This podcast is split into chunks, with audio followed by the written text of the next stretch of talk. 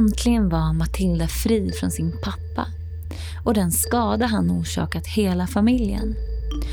Hon träffade en bra kille och livet kunde äntligen sätta fart. De flyttade ihop och han var som en ängel som kommit in i hennes liv. Men efter kort tid i den fina tillvaron började något skava i Matilda och hon började sakta men säkert söka sig bort till farliga situationer och djupt destruktiva relationer. Hur kom det sig att hon valde att stanna hos en kille som behandlade henne illa, som var så djupt nere i missbruk och som förnedrade henne på sätt som ingen borde utstå? Efter ett år visste hon att hon måste gå men ändå valde hon att stanna i ytterligare fem år. Idag är jag lycklig, säger Matilda. Men hur är det möjligt efter att ha gått igenom det absolut värsta? Du lyssnar på del två av Matildas historia.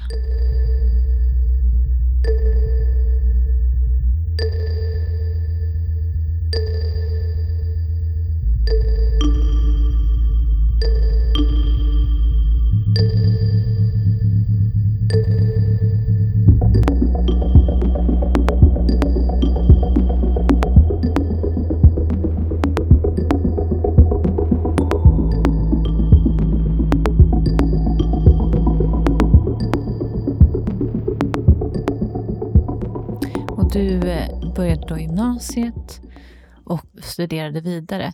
Hur mådde du under den här tiden och vem blev du då? Blev nog mer och mer förvirrad ju längre tiden gick.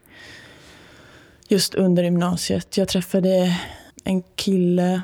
Jag fick ett stipendium där vi där elever från olika skolor i Sverige eh, möttes eh, uppe, långt upp i landet. Vi bodde och, och gjorde olika typer av utflykter eh, tillsammans eh, under en vecka. Där träffade jag en kille som jag senare blev tillsammans med och vi eh, höll ihop i flera års tid. Eh, fantastisk på många sätt, och, men det förändrade ju mig jag gick in i ett seriöst förhållande. Jag tyckte väldigt mycket om honom och, och vi flyttade senare ihop efter gymnasiet. Så därigenom blev det ju förändringar eh, hos mig, eller inom mig. Men eh, om jag bortser från honom, så, så, som var positiv, verkligen, så var det en rad negativa förändringar. Just det här med ätstörningarna. Eh, som blev värre och värre. Eh, mitt humör kunde vara upp och ner. Mm, jag eh, visste mindre och mindre vem jag själv var. Jag eh, hade väldigt svårt att sätta ord på mina känslor. Ehm, jag kunde inte ut, ja, uttrycka mig. Så här känner jag, så här tycker jag, så här vill jag. Jag märkte hur jag blev tröttare och tröttare i skolan. Jag läste naturvetenskap och Första året inga problem, andra året inga problem heller. Men i trean på gymnasiet vet jag att jag eh, eh klappade ihop i slutet. Jag eh, kände bara en enorm trötthet inom mig. Eh, till livet tror jag. Så här efterhand. Då kunde jag inte heller sätta ord på vad det var. Jag visste inte alls. Och under hela den här perioden, även högstadiet, så hade jag... Jag började på BUP och fortsatte sen hos flera olika psykologer och kuratorer men hittade aldrig rätt eh, hos någon. Det var, jag fick väl inte förtroende för någon tror jag. Det ledde aldrig någonstans. Så jag försökte på många olika sätt leta tror jag i vad är det för någonting, vad är det som håller på att hända med mig. Eh, men eh, jag, det kändes som att jag famlade omkring väldigt mycket i något mörker. Och slutade gymnasiet då. Eh, flyttade direkt efter sommaren till Stockholm. Det hade jag bestämt mig för långt innan. Jag visste att jag inte kunde vara kvar eh, där, där jag var, hade växt upp. Och dels på grund av uppväxten men också att, att eh, inom det området där jag eh, såg framför mig att jag skulle arbeta så, så fanns det inga karriärsmöjligheter där nere. och Jag behövde flytta och då fanns min stora syster fortfarande i Sverige. Hon bodde då i Stockholm. Jag flyttade till Stockholm men då flyttade hon ifrån Stockholm för hon fick jobb på annat håll. Så jag kom upp till Stockholm och uh, var ensam här. Uh, jag hade min pojkvän men ingen familjemedlem. Uh, eh, vi flyttade ihop och gick bra till en början. men sen kände jag att jag fick andnöd även med honom. Vem blev du i den här relationen? Jag blev verkligen... Vi hade fin relation på många sätt men jag blev eh, martyren som han skulle trösta. Jag kunde trösta honom också, men just det här att, att det fick aldrig vara bra under en för lång tid. Oavsett vad det gällde i mitt liv. Och det eh, har gjort under alla de här åren som följde i, eller som jag följt i Stockholm sen jag flyttade hit så, eh, så har det just det har alltid funnits med det här att jag får inte må för bra. Jag eh, försätter mig själv eh, förr eller senare i en situation där det ska gå åt helvete. Gör ingen annan det så gör jag det själv. Eh, idag har jag lärt mig att det är alltid jag själv som har försatt mig i de här situationerna. Men då med honom, så här i efterhand så kan jag se väldigt tydligt hur jag krånglade till och eh, smutsade ner vår relation så otroligt mycket. Han var fantastisk eh, kille, genomgod och vill alla människor väl och eh, väldigt kärleksfull och omhändertagande. Berättade du om din uppväxt? Ja, det gjorde jag. Mm. Um, och det är bra, men där fick jag också någon stämpel, eller stämpel, det... Jag blev den av oss som kom ur eh, just en dysfunktionell familj som skulle tas om hand om. Där tror jag en del av min panik, eh, alltså varför den sen kom och jag inte längre klarade av att vara tillsammans med honom. Det blev infekterat just med det här att jag var alltid den som man skulle tycka synd om. Eh, jag satte mig i 99 fall av 100 i den situationen själv. Och, men sen blir det också den bilden som omgivningen har utifrån vad jag då hade valt att berätta. Men det var kanske skönt för dig ändå att få bli omhändertagen och gråta ut och sådär. Alla de här känslorna som du kanske inte fått utlopp för tidigare. Han kändes som en... När han kom in i mitt liv där under gymnasiet, eh, när vi träffades eh, på den här stipendieresan, alltså det kändes som en, som en ängel som kom rakt nedstigen från himlen. Eh, jag gick runt och nöp mig i armen varenda dag för att han var så fantastisk. Han var en person som, han skrek inte, han bråkade inte, han, han avkrävde ingenting av mig. Eh, jag fick vara precis eh, den jag var. Jag fick vara ledsen eller arg eller besviken, jag fick vara glad, eh, skratta, gråta. Oavsett vilket tillstånd jag befann mig i så var det okej. Okay. Och det hade jag aldrig tidigare upplevt. Men var det det kanske som du kände att du fastnade i den rollen? Liksom att, du, att du var den då som fick vara som du ville? Att det kanske inte... Ja, verkligen. Att allt, allt var alltid okej. Okay. Jag fick aldrig någon motstånd. Så var, till en början var det väldigt skönt. Men för att relationen sen ska vidareutvecklas så tror jag att eh, ja, det måste finnas eh, ett motstånd, någonting som Mm, inte att vi är oense, men, men att, att det inte bara är jag. För det var så relationen var. Det var alltid med hänsyn till mig. Det som var till en början väldigt positivt och, och bra, nödvändigt kanske för mig, eh, blev sen... Det, det, ja, det, det, var inget hållbart för relationen i långa loppet. Lite som en fälla liksom att fastna i sådär. Ja. Och då gjorde ni slut till slut där, blev det på något sätt att det fick dig att kapitulera? Att det började vända situationen, eller vad hände då? Därefter så ökade jag takten. Eh, jag eh, gick in i en ny relation. Eh, kärleksrelation är nog fel att säga, men i en relation där jag var allt och inget på samma gång. Den personen som jag började träffa, vi träffades i ett jobbsammanhang. När, den, när det projektet var slut så fortsatte vi att ses. Allt eh, det utvecklades med tiden eh, till att bli eh, en relation där jag var just allting för den här personen. Han var allting också för mig. Han knarkade eh, och drack mycket alkohol. Jag blev hans hjälpreda, eh, hans eh, sjuksyster, hans mamma, hans eh, flickvän, någon gång. Hans bodyguard. Hans allting. Hans jobbcoach.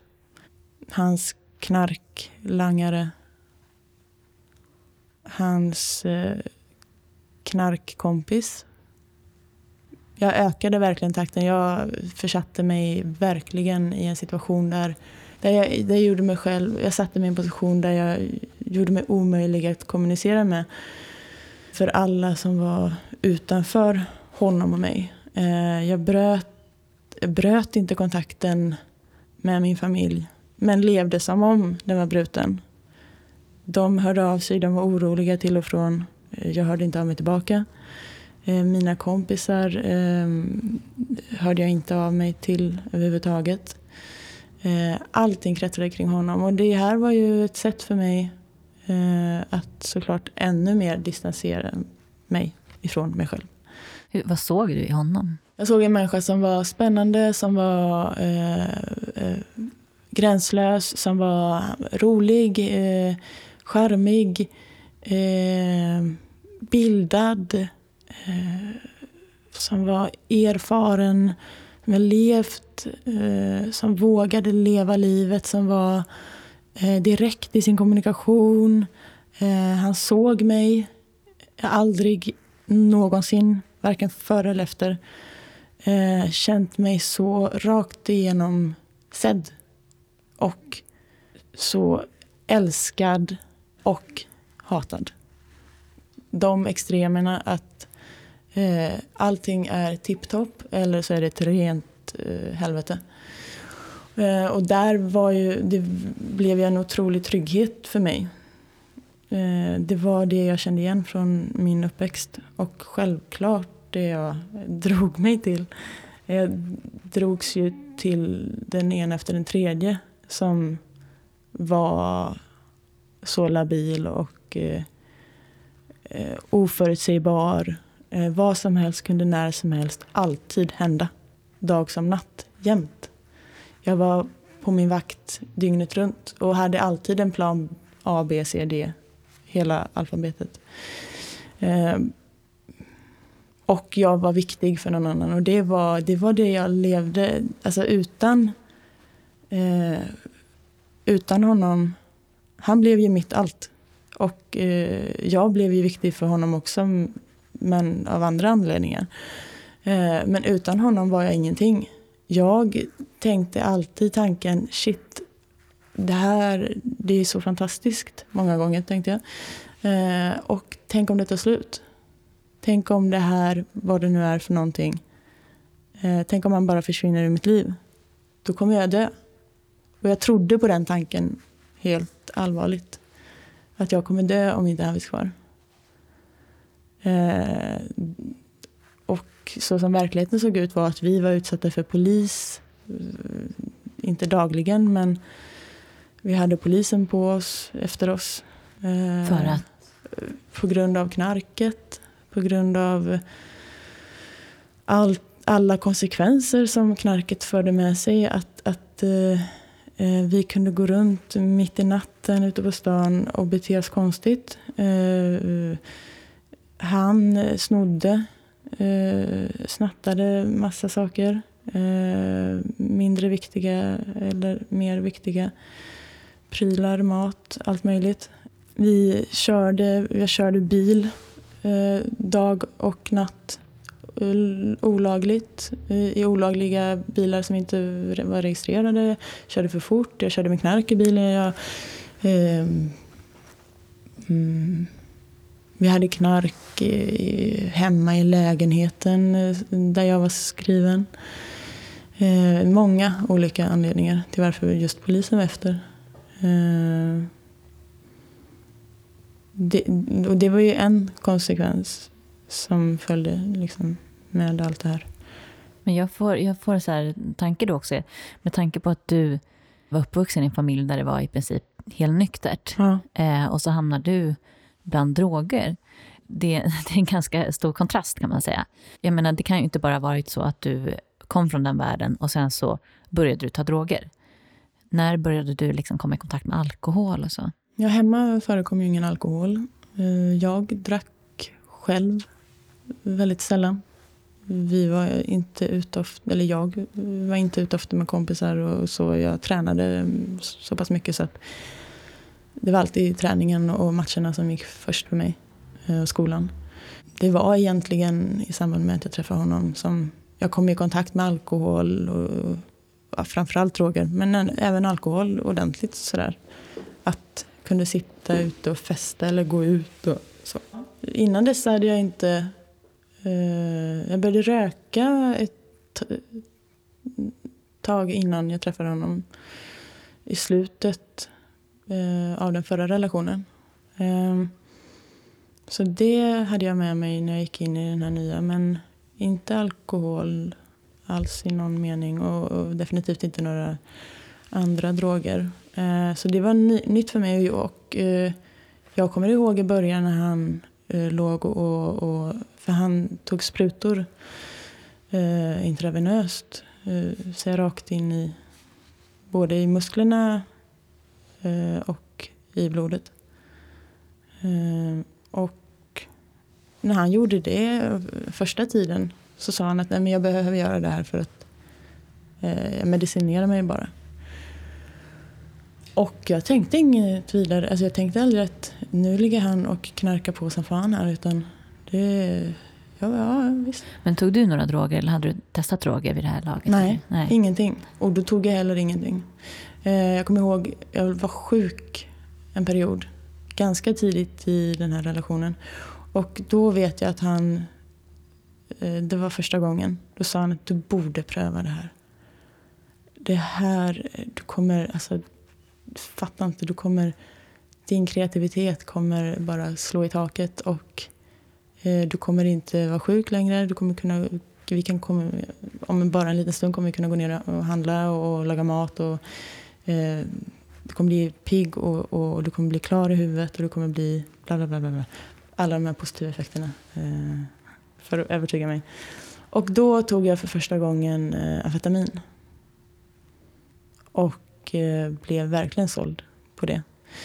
Eh, hans huvuddrog... Eh, han, tog, han var tablettmissbrukare så han tog alla tabletter. Allt som han kom över. Det spelade ingen roll om det var för hästar eller hundar eller människor.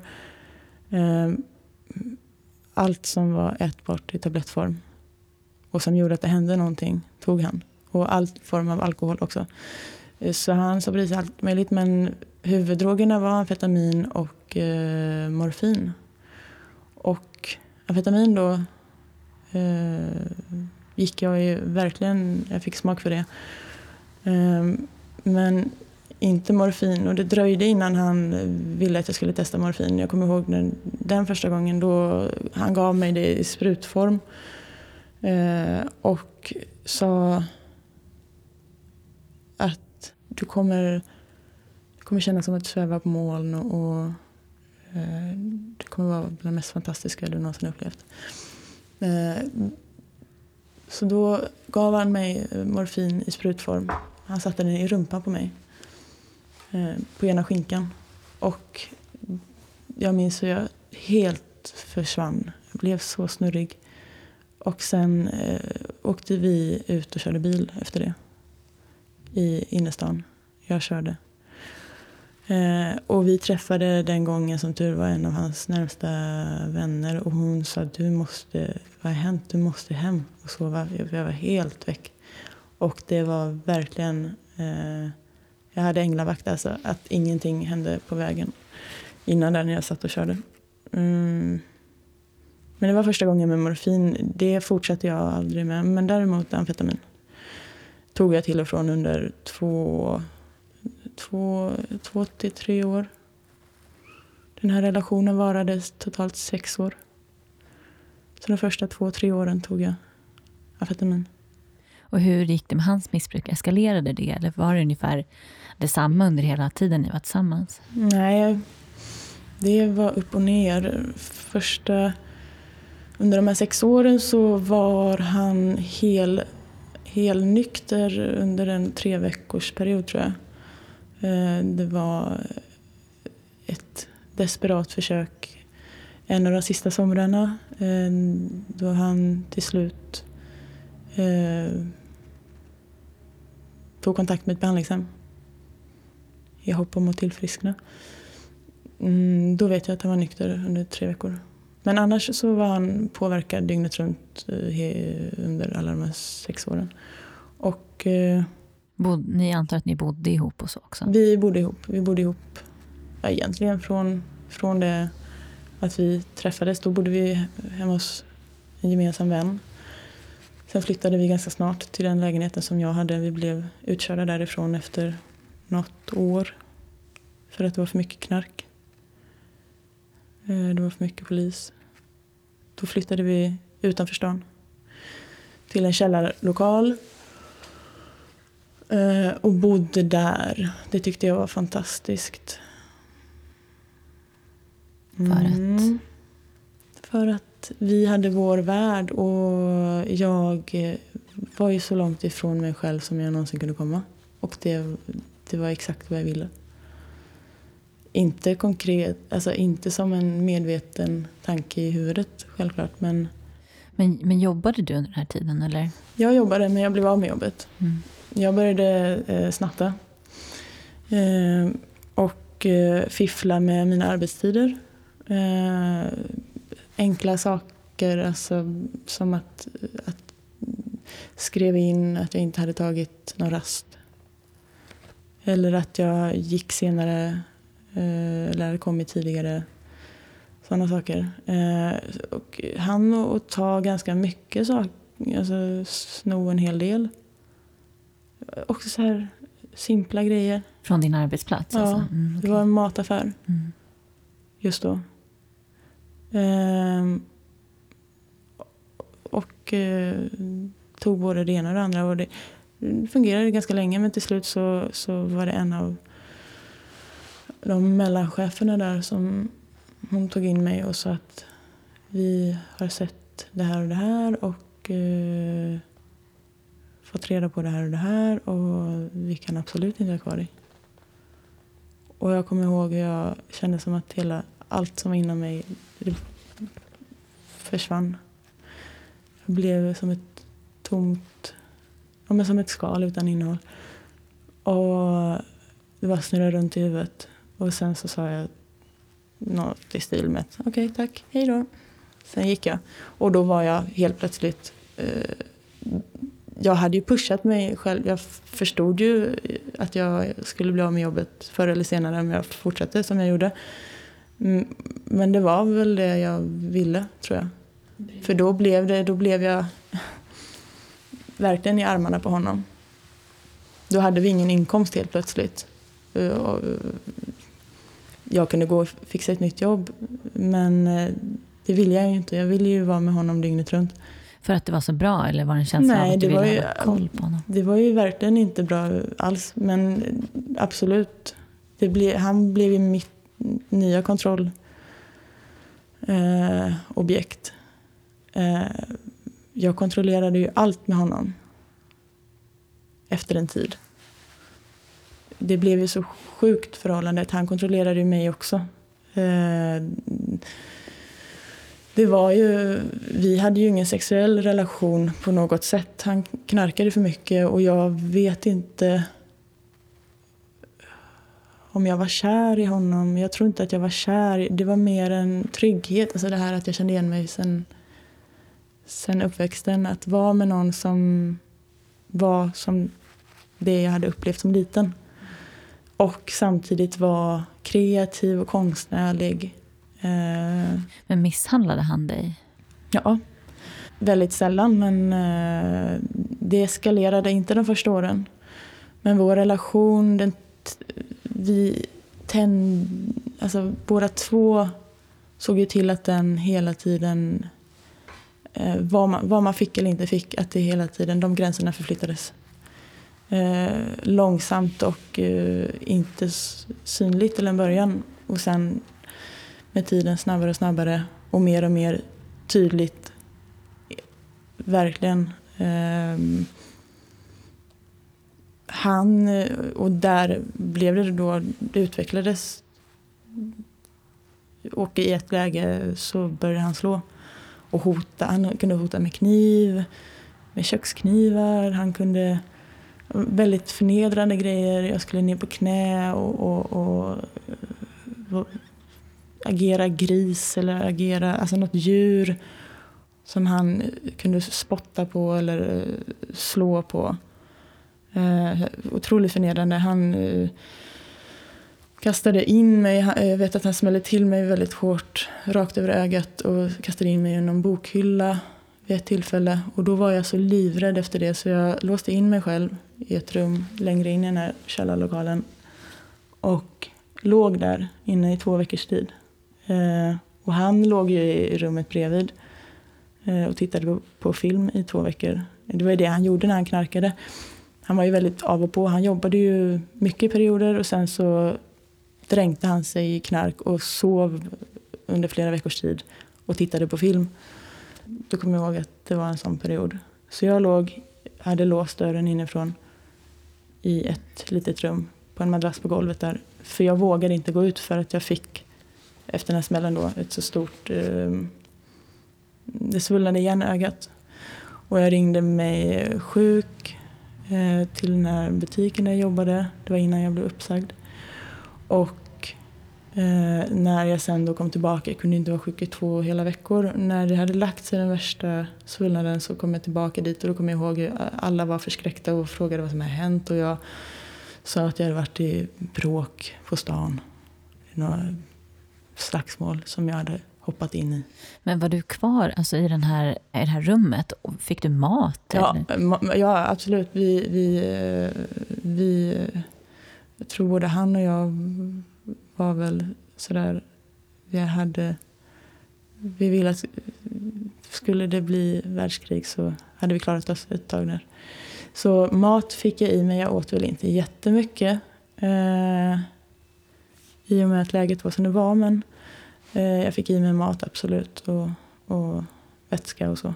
Men hur såg er lägenhet ut? Alltså jag tänker det måste ju vara inte så omhändertaget när ni inte direkt tar hand om er själva?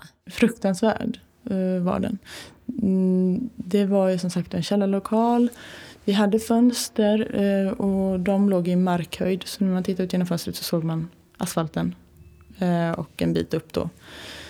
Så det fanns ju ljusinsläpp eh, i den här lokalen. Eh, toalett som fungerade, en dusch som fungerade hyfsat till och från. Eh, så småningom fick vi en eh, tvättmaskin. Diskmaskin fanns och ett kylskåp fanns också. Eh, men så det var, den var utrustad som en fullgod lägenhet men eh, det som var var väl att det var kallare. Eh, det var ju betongväggar och så, så det var kallare. Han kunde bli väldigt nojig när han, eh, när han tog för mycket eller hade tagit för lite så fick han ofta för sig saker. Um, att polisen var efter honom till exempel. Han trodde att varenda person som gick utanför eller om det kom en bil som åkte utanför. Alla som rörde sig uh, i hans omgivning trodde han var poliser, hemliga poliser. Uh, så därför kunde han till exempel täcka för alla fönster. Det var väldigt sällan som vi hade eh, fönster som man kunde titta ner till oss. Han täckte över fönstren med, med handdukar, med lakan, eh, filtar, kläder. vad som helst som gick att täcka för mig. Och sen använde han eh, tesatejp och eh, sätta fast det med. Då. Så, och även speglar täckte han för. Han ville inte se sin egen spegelbild för den var så ful, tyckte han ofta. Eh, eller så kunde tro, han tro att det fanns någon annan där. Väldigt nojig och eh, väldigt mycket hallucination. Alltså, nästan psykos, eller psykos till och från också. Eh, men mycket eh, svåra biverkningar eh, åt olika håll från alla tabletter och all alkohol. Då, såklart. Eh, som gjorde att lägenheten fick ett väldigt speciellt utseende. Plus då att eh, i och med allt knark som fanns där till och från, det kom ju människor dit på både dagtid och nattetid och lämnade knark som vi, hade, som vi förvarade där. Eh, i, det fanns, taket var eh, så luckor som man kan lyfta. Och, så de lyfte vi ofta bort och förvarade knarket eh, i taket. Då. Eh, eller på andra platser. Och det gjorde ju att när han eh, inte hade knark det han behövde så kunde han ju börja leta i taket. Han, jag kunde ju vakna ofta av att han hade lyft ner alla takplattor. Eh, Eh, eller att han har vänt ut och in på allt som finns. Det såg ut som att någon har gjort husrannsakan ofta när jag vaknade. Han har vänt ut och in på alla mjölpåsar. Alla mina eh, kläder. Jag bodde ju i vi reste ganska mycket i hans jobb. Eh, och eh, så då var mitt liv fanns i två väskor i princip. De kunde eh, ofta vända ut och in på allting som fanns i lägenheten. Alla besticklådor, allting bara låg utspritt. Och beblandat då med, med eh, öl och läsk och eh, eh grädde och eh, an, allt möjligt som spilldes, som eh, tappades eh, eller kastades. Eller, eh, det var få gånger som det var en städad, eh, städade rum. Det var väl vid jul, kanske. Eh, då lyckades väl vi hålla i ordning eh, ett tag. Men annars var det berg av disk och eh, en djungel att ta sig igenom för att det var så mycket smutstvätt eh, och spår av knarket och alkoholen. Sprutor och blod och eh, alltid nerblodade lakan. Eh, alltid gamla använda sprutor. Eh, och Hur lång tid pågick den här relationen? Från att vi träffades till att jag eh, gick ifrån så eh, det var sex år. Och vad gjorde du då? Alltså det måste ju varit eh, väldigt desperat när ni har levt så, som du sa, er bubbla och det handlar om så mycket destruktiva saker. Mm. Vad tog du dig till då, när du drog? Jag förstod ganska tidigt att, jag, att det, här, det här är inget bra för mig. Ehm, och skillnaden mot vad jag hade gjort, det här var ju bara ytterligare en variant för mig att skada mig själv. Eh, att ta den här personen som mitt nya projekt. Istället för att eh, eh, se till att min förra relation då, där han var en väldigt bra person, att se till att göra den dålig genom att skapa bråk eller att få honom att verka värdelös eller vad jag nu kunde pyssla med i den relationen för att jag skulle må så pass dåligt jag bara kunde få mig till. Eh, så vart ju den här relationen på ett helt annat sätt men det var ju ändå samma, eh, hela tiden samma syfte. Att må så dåligt som det bara gick.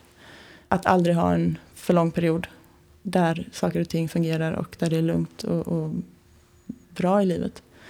Eh, och det här eskalerade ju, men skillnaden då från förra relationen, det var ju många skillnader, men en var ju då att jag ganska tidigt insåg att det här kommer gå riktigt dåligt.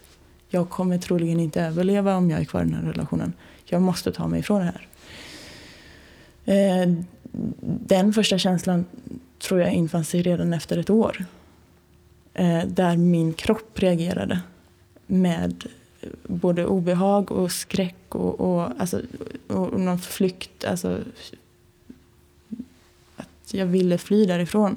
Men jag upplevde mig inte kunna. För att det var samtidigt, samtidigt det är så sjuk känsla att samtidigt eh, som kroppen skriker efter att vilja fly så skriker den lika mycket och lite till efter att vara kvar.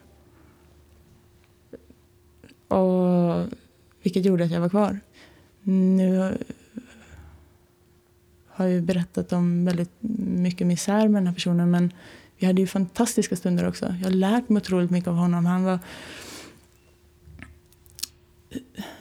väldigt rolig att vara med. Vi skrattade väldigt mycket tillsammans. Vi, vi eh, upptäckte nya platser. Vi, eh,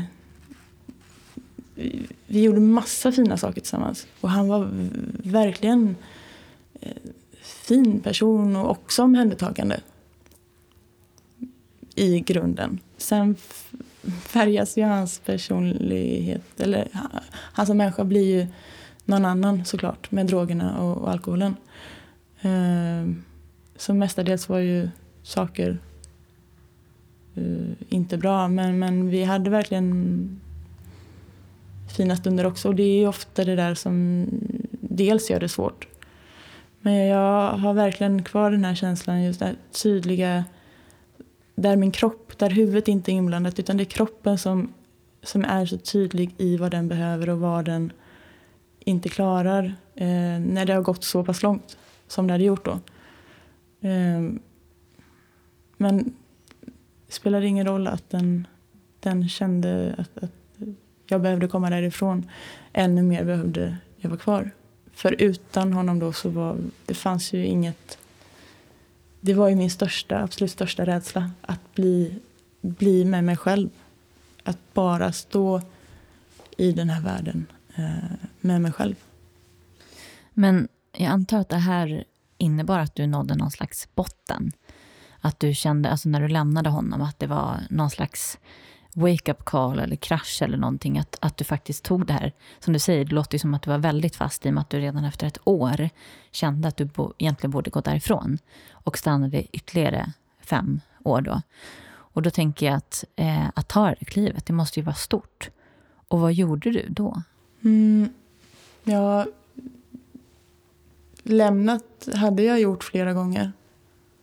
Det är väl klassiskt. Det kanske är fel att säga att det är klassiskt. Men just det här att lämna, jag ska aldrig mer tillbaka till den här situationen. Jag vet att jag rusade därifrån flera gånger och, och med, med mina tillhörigheter eller utan, det spelade ingen roll. Jag var därifrån flera gånger när det var Eh, många av de jobbigare gångerna. Eh, där jag flyttade hem och bodde hos min mamma. Eh, men jag hamnade alltid tillbaka. Och det som hände där efter de här sex åren då, det som gjorde till slut att jag gick, jag vet inte vad det var just den gången. Jag vet att vi, vi var på ett hotell.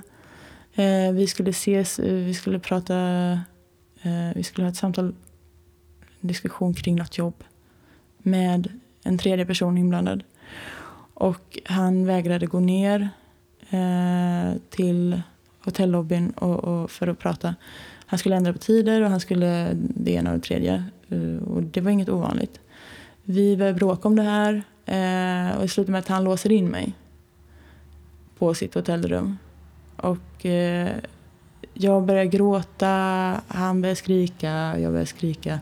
Det här fortsätter i flera timmar. Det är bråk och det är skrik och till slut så är jag eh, helt eh, färdig i kroppen och han är väl också slutkörd och jag får gå till slut. Och eh, då känner jag när jag går den gången att jag kommer inte komma tillbaka. Det var så tydligt. Det fanns ingenting eh, ingenting överhuvudtaget i huvudet eller kroppen som, som fanns kvar. Eh, jag visste att när jag gick den gången så var det, det var på riktigt. Eller det var på allvar. Kroppen kunde inte mer. Men när kom du i kontakt med ordet medberoende? Det var väl något halvår därefter. Jag fick ju då eh, veta från läkare att jag hade Bland mycket så, så sa de att jag var, hade en utmattningsdepression. Och eh, i alla utredningar som följde kring, eh, alltså, därefter eh, när jag hade lämnat honom så blev jag utredd av läkare och så vidare.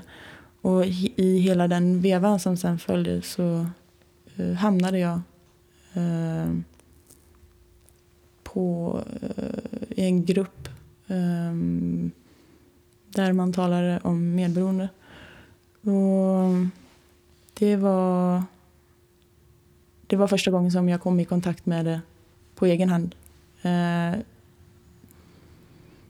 jag vet inte hur jag kom dit men ehm, jag hamnade där och eh, saker gick upp för mig. Jag fick eh,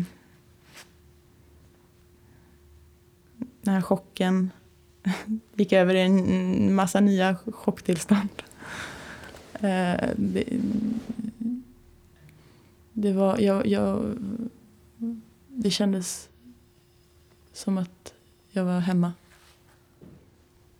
Men absolut första gången som jag kom i kontakt med ordet medberoende det var eh, en, eh, om det var sommaren strax innan som jag lämnade honom. För jag lämnade honom eh, kring jul. Och om det var då som han eh, tog kontakt med det här behandlingshemmet. För det var nämligen där som jag absolut första gången fick höra ordet medberoende. Eh, han bjöd in mig då, man fick ta dit en anhörig om man ville och han bjöd in mig att komma och vara med på en anhörigvecka på behandlingshemmet. Vilket jag var. Eh, och under den här veckan då så fick jag tillsammans med andra anhöriga lära mig vad ordet medberoende är, betyder. Så det var absolut första gången. Eh, och sen då gick ju tiden eh, och jag lämnade, eller la det bakom mig och, och gjorde ingenting med det förrän då, var drygt halvår efter att jag hade varit i kontakt med läkaren där. Och vad gjorde du då? Jag, jag började gå på möten. Och eh, eh, jag kommer inte ihåg mycket av första tiden som jag gick möten. Men jag vet att jag gick. Jag gick dit först, absolut första gången jag gick på ett möte så tog jag, då var det en nära vän till mig som frågade om vi inte skulle gå tillsammans. Och jag sa ja, det vill jag absolut göra. Så då gick vi dit tillsammans första gången. Jag kommer inte ihåg när det var eller hur det var. Men jag vet att sen fortsatte inte hon. Hon gick inte en gång till. Men det gjorde jag. Och sen gick jag ytterligare en gång. Och jag vet inte vad det var som gjorde att jag gick igen. Eh, jag tror att jag kände att jag fick det var något villkorslöst, alltså någon villkorslös kärlek. Att jag kom dit och det var ingen som krävde att jag skulle säga något eller tycka något eller tänka något. Jag behövde inte förklara varför jag satt där. Jag kunde bara sitta där och det var för första gången i mitt liv som jag kände att jag kunde vila inom mig. Det måste ju ha varit jättestort. Ja. Alltså efter ganska många år när du, just att du på något sätt kanske ändå har sökt trygghet och ändå inte funnit den. Och att kunna, som du sa, bara sitta och inte vara på, på sin vakt hela tiden, utan mm. att kunna bara vila och vara som du sa. Jag tror att många människor under åren har stått där längs min väg och velat ge mig trygghet. Men jag har inte varit mottaglig för den. Eh, jag har ju försatt mig i alla de här situationerna. Jag har valt att stanna kvar. Jag, eh, det, är ju, ja, det har ju varit en ständig flykt ifrån mig själv. Eh, det som... Så det har ju troligen funnits många tillfällen där jag skulle, om jag hade tillåtit... eh, där människor skulle kunna ha funnits där för mig och eh, gett mig vad jag behövde. Kärlek och trygghet och omsorg på alla sätt. Men kunde du förstå, för jag tänker att den här bilden av medberoende är ju verkligen att man är medberoende till någon med missbruk eller beroendeproblematik. Mm. Kunde du förstå att det här satt djupare, att det hade med din eh, barndom att göra, även om det inte fanns någon, något tecken på alkohol där? Till en början så satt jag, vet jag, och tänkte att jag får vara här. Jag har ju ändå levt nu i en relation där varit mycket knark och alkohol. Så jag får sitta här, men bara till hälften. Eftersom uppväxten inte innehöll. Eh, det var nyktert. Liksom. Alltså det fanns ingen alkohol eller knark. Eh, och det vet jag att det tog ett tag innan jag vågade fråga just eh, kring min uppväxt. Är det okej okay att, jag frågade min sponsor då, eh, är det okej okay att vara här fast, fast det har varit si och så när jag växte upp? Eh, eller borde jag inte vara här? Borde jag tillhöra någon annan grupp? Eh, och då sa hon att så är det ju självklart inte. Det, det är inte så det är. Så jag var osäker där. Jag kunde inte koppla alls till en början. Det tog ett tag. Men sen hittade du någon, alltså du sa ju att du fortsatte gå tillbaka mm. och du nämnde en sponsor. Mm. Så jag antar att det handlar om ett tolvstegsprogram. Exakt. Och du gjorde stegen där eller? Mm, precis. Den gruppen som jag kom till och, och fortsatte att gå till. Eh, det är en grupp då som, som arbetar utifrån tolvstegsprogrammet. Och eh, mm, jag gick eh, till den här gruppen, till mötena ganska många gånger. En längre period innan jag vågade fråga någon. För det var vad som hände sen när jag kände att jag hade så pass mycket styrka eller kraft och eh, kände tillit till gruppen. Eh, då gick jag fram efter ett möte till en tjej och frågade om hon, om hon kunde tänka sig att, hjälpa mig och vägleda mig då i det här arbetet som man gör eh, när man arbetar med tolvstegsprogrammet. Men skulle du säga att det här vart den stora förändringen i ditt liv? Att det hände någonting här, att det vände på något sätt? Ja, verkligen. Att hitta den här gemenskapen för mig eh, och börja förstå varför mitt liv har sett ut som mitt liv har gjort. Så eh, det, var, ja, det har varit helt avgörande för mig. Eh, jag har inte... Det är verkligen ett liv före den här gemenskapen och efter. Eh, jag vet inte om jag hade klarat mig ens utan den här gemenskapen. För min, jag har ju också gått i tolvstegsprogram mm. och min erfarenhet att man nämner ju då en högre makt mm. som en del kallar då för Gud. Mm. Och det är ju ett begrepp som jag hade ganska svårt för. Mm. Eh, och det tror jag handlar mest om att ja, jag kanske har sagt att det var ett öde eller att jag hade haft otur eller sådana saker. Och det handlar ju väldigt mycket om att jag inte hade tillit till någonting, att någonting skulle kunna bli bra. Så för, för mig så blev det ju så att eh, jag, det spelar ingen roll vad jag kallar det, utan det handlar om att jag hittar någon slags tillit till att någonting där ute, alltså jorden är så pytteliten jämfört med universum, att någonting där ute vill mig väl. Och det har varit en jättestor genomslagskraft. Men jag tänker på det här då tillbaka till Gud. För du nämnde att du har en annan relation till Gud idag. Vill du beskriva den? Min relation till Gud idag, den har ju sett... Eh, jag har alltid haft en relation till Gud. Eh, och den har jag omvärderat genom åren eh, i och med att ja, i och med min uppväxt. Och eh, behövt forma den till att just bli min gud. Och den bilden som jag länge hade under senare delen av tonåren, den var jag ganska trygg med tror jag. Den bilden av Gud. Vad det var, vem han eller hon eller det var. Men eh, sen jag påbörjade mitt arbete i den här gemenskapen så har jag ytterligare en ny bild. Eh, och idag så är min Gud eh, en, det är någonting ute i världen eh, som finns där, som alltid finns där.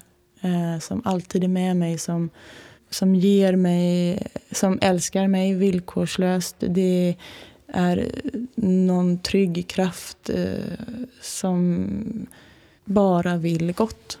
Och just som du sa, att det har ju verkligen varit ett av mina största problem att jag aldrig har trott att någonting utanför mig själv vill mig väl. Och därav denna alltid, att den här katastrofberedskapen som alltid gått runt med. När det förändrades i och med programmet så förändrades ju också hela min världsbild. Ja, Gud, Gud är allt, allt gott. Gud för mig kan... Det är att ta hand om varandra. Eh, att skapa kärleksfulla relationer, att, att finnas för andra människor. Att, eh, att jag är kärleksfull mot mig själv och ta hand om mig själv idag. Men vad var den här guden när allting var så himla rörigt och kaotiskt i ditt liv, tror du? Då, då var det nämligen en han. Det var, det var, då var det den här allmänna bilden, tror jag, av en kristen gud. Eller, jag tror jag hade en bild som suttit, alltså etsat sig fast sen jag var väldigt liten och läste barnens bibel. Någon farbror i vit klänning, långt vitt skägg. Lite Mio min Mio. Uh, och han var väl på semester tänkte jag ibland. Eller han eh, ville mig inte så där väl ändå.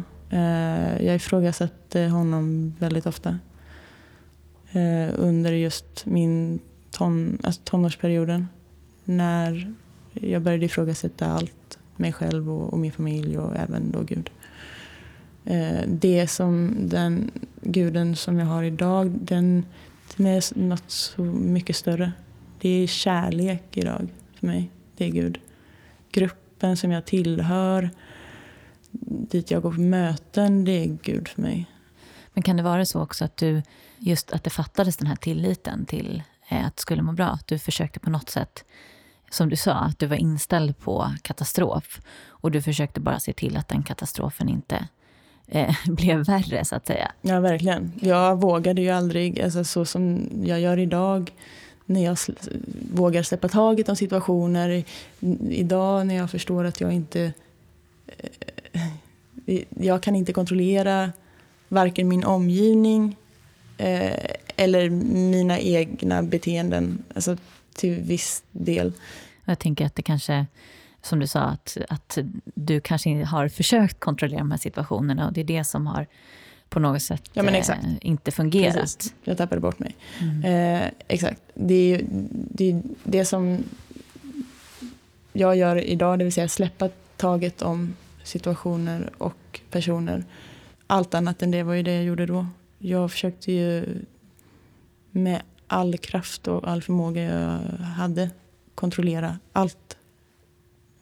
Oavsett om det var mig själv eller min omgivning.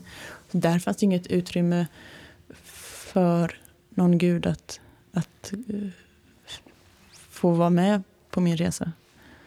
Jag uh, stängde ju Gud ute. Men hur ser du på framtiden nu då? För det känns ju som att, alltså med tanke på hur du har gått, eller det du har gått igenom, mm. eh, så kan jag ju förstå att det är väldigt svårt att, att, se ljus på framtiden. Men nu har du gjort, som du sa, det hände någonting när du gjorde det här programmet och, och de här sakerna. Vad gjorde det med dig och hur ser du på framtiden nu? Idag ser jag väldigt ljust på framtiden. Jag eh, lever ett bra liv. Eh, jag vet idag att eh, jag är min egen lyckas med.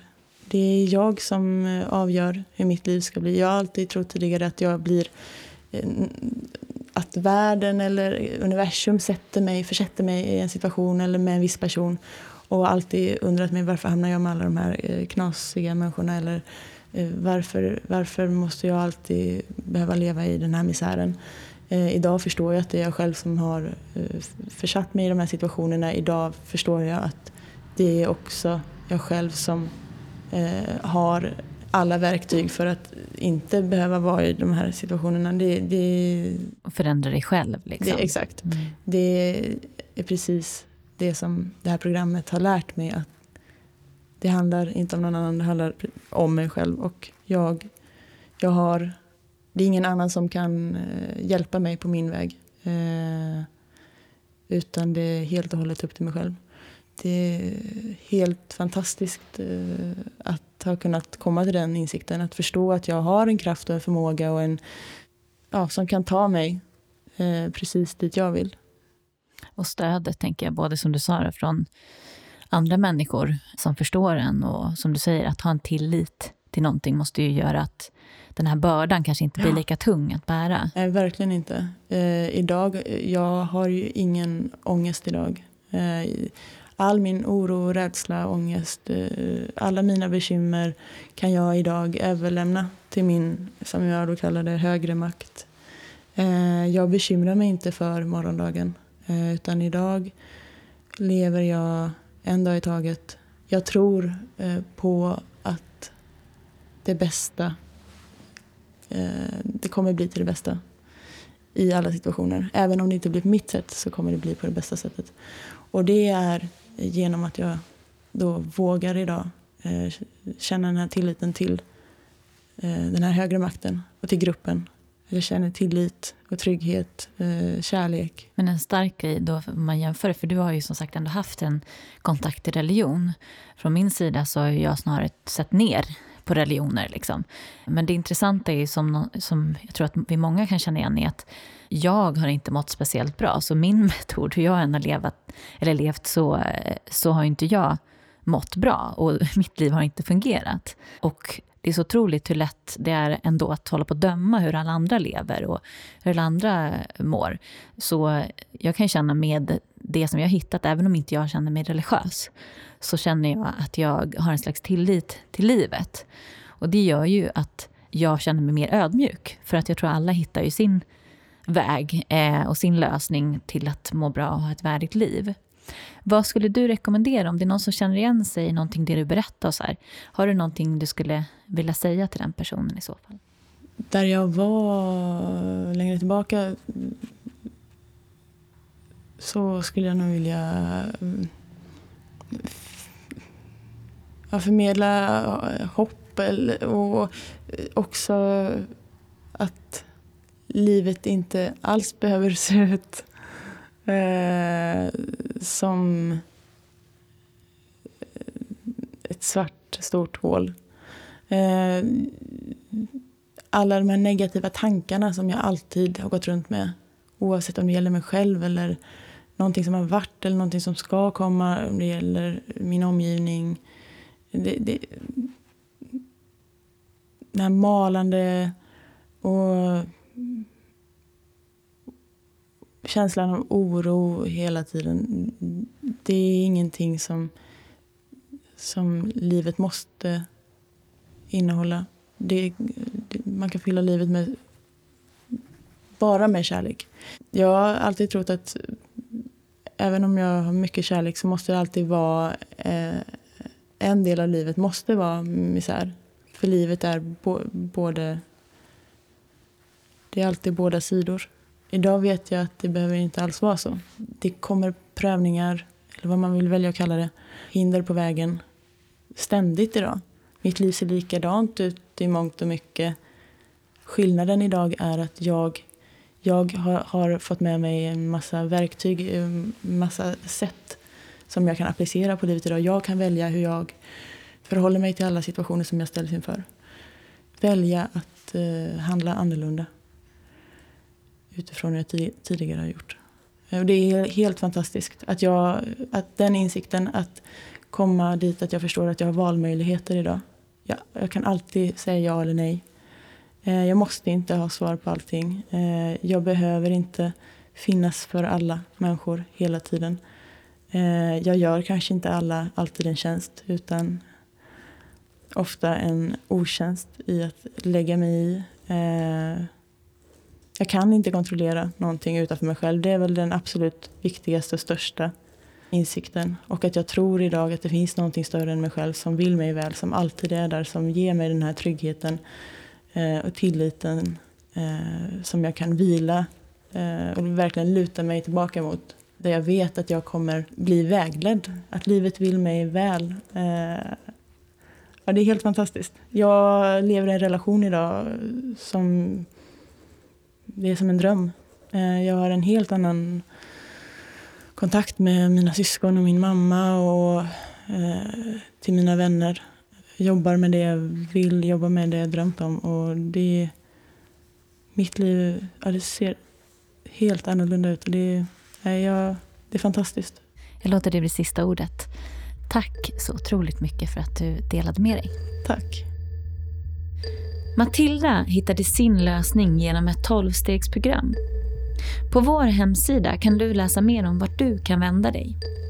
www.medberoendepodden.se är adressen.